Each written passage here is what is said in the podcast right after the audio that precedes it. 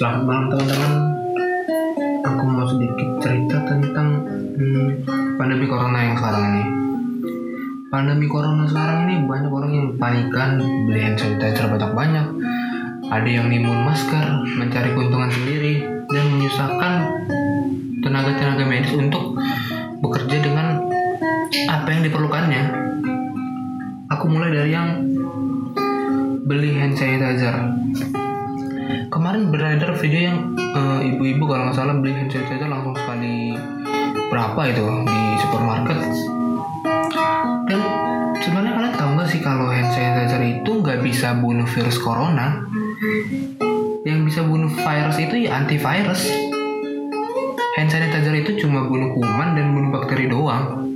Jadi kalau kalian itu eh, pakai hand sanitizer berjumpa dengan orang yang virus corona ya kalian juga bakalan terkena virus corona. Jadi cara terbaik untuk menghindari virus corona ya physical distancing itu. Bukannya membeli hand sanitizer, dengan banyak gitu atau membeli masker. Kalian beli masker juga kalau kalian eh, kontak fisik dengan orang yang terkena corona juga bakalan kena corona kaliannya karena yang benar itu ya physical distancingnya bukan yang lain.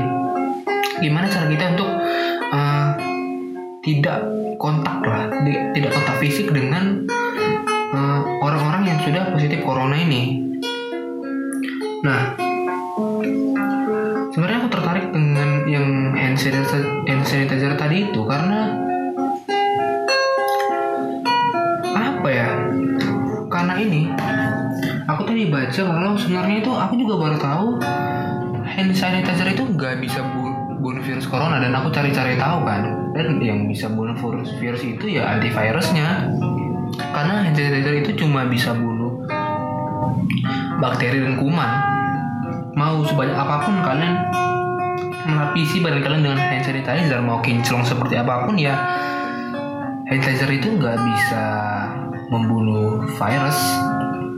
Sama aja kalau kalian kontak dengan positif corona sama aja lalu kita beralih ke hmm, masyarakat-masyarakat yang menolak menolak jenazah dari orang yang meninggal akibat virus corona ini.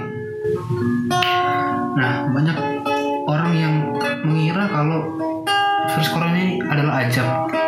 Aku yakin kalau itu ada provokatornya sih dan sebenarnya gini kalau misalnya ada yang provokator kalau SDM-nya itu tinggi ya nggak bakalan kena provokasi juga malah yang memprovokator itu bakalan di dilaporkan ke polisi atau bahkan di diamuk masa gitu kan.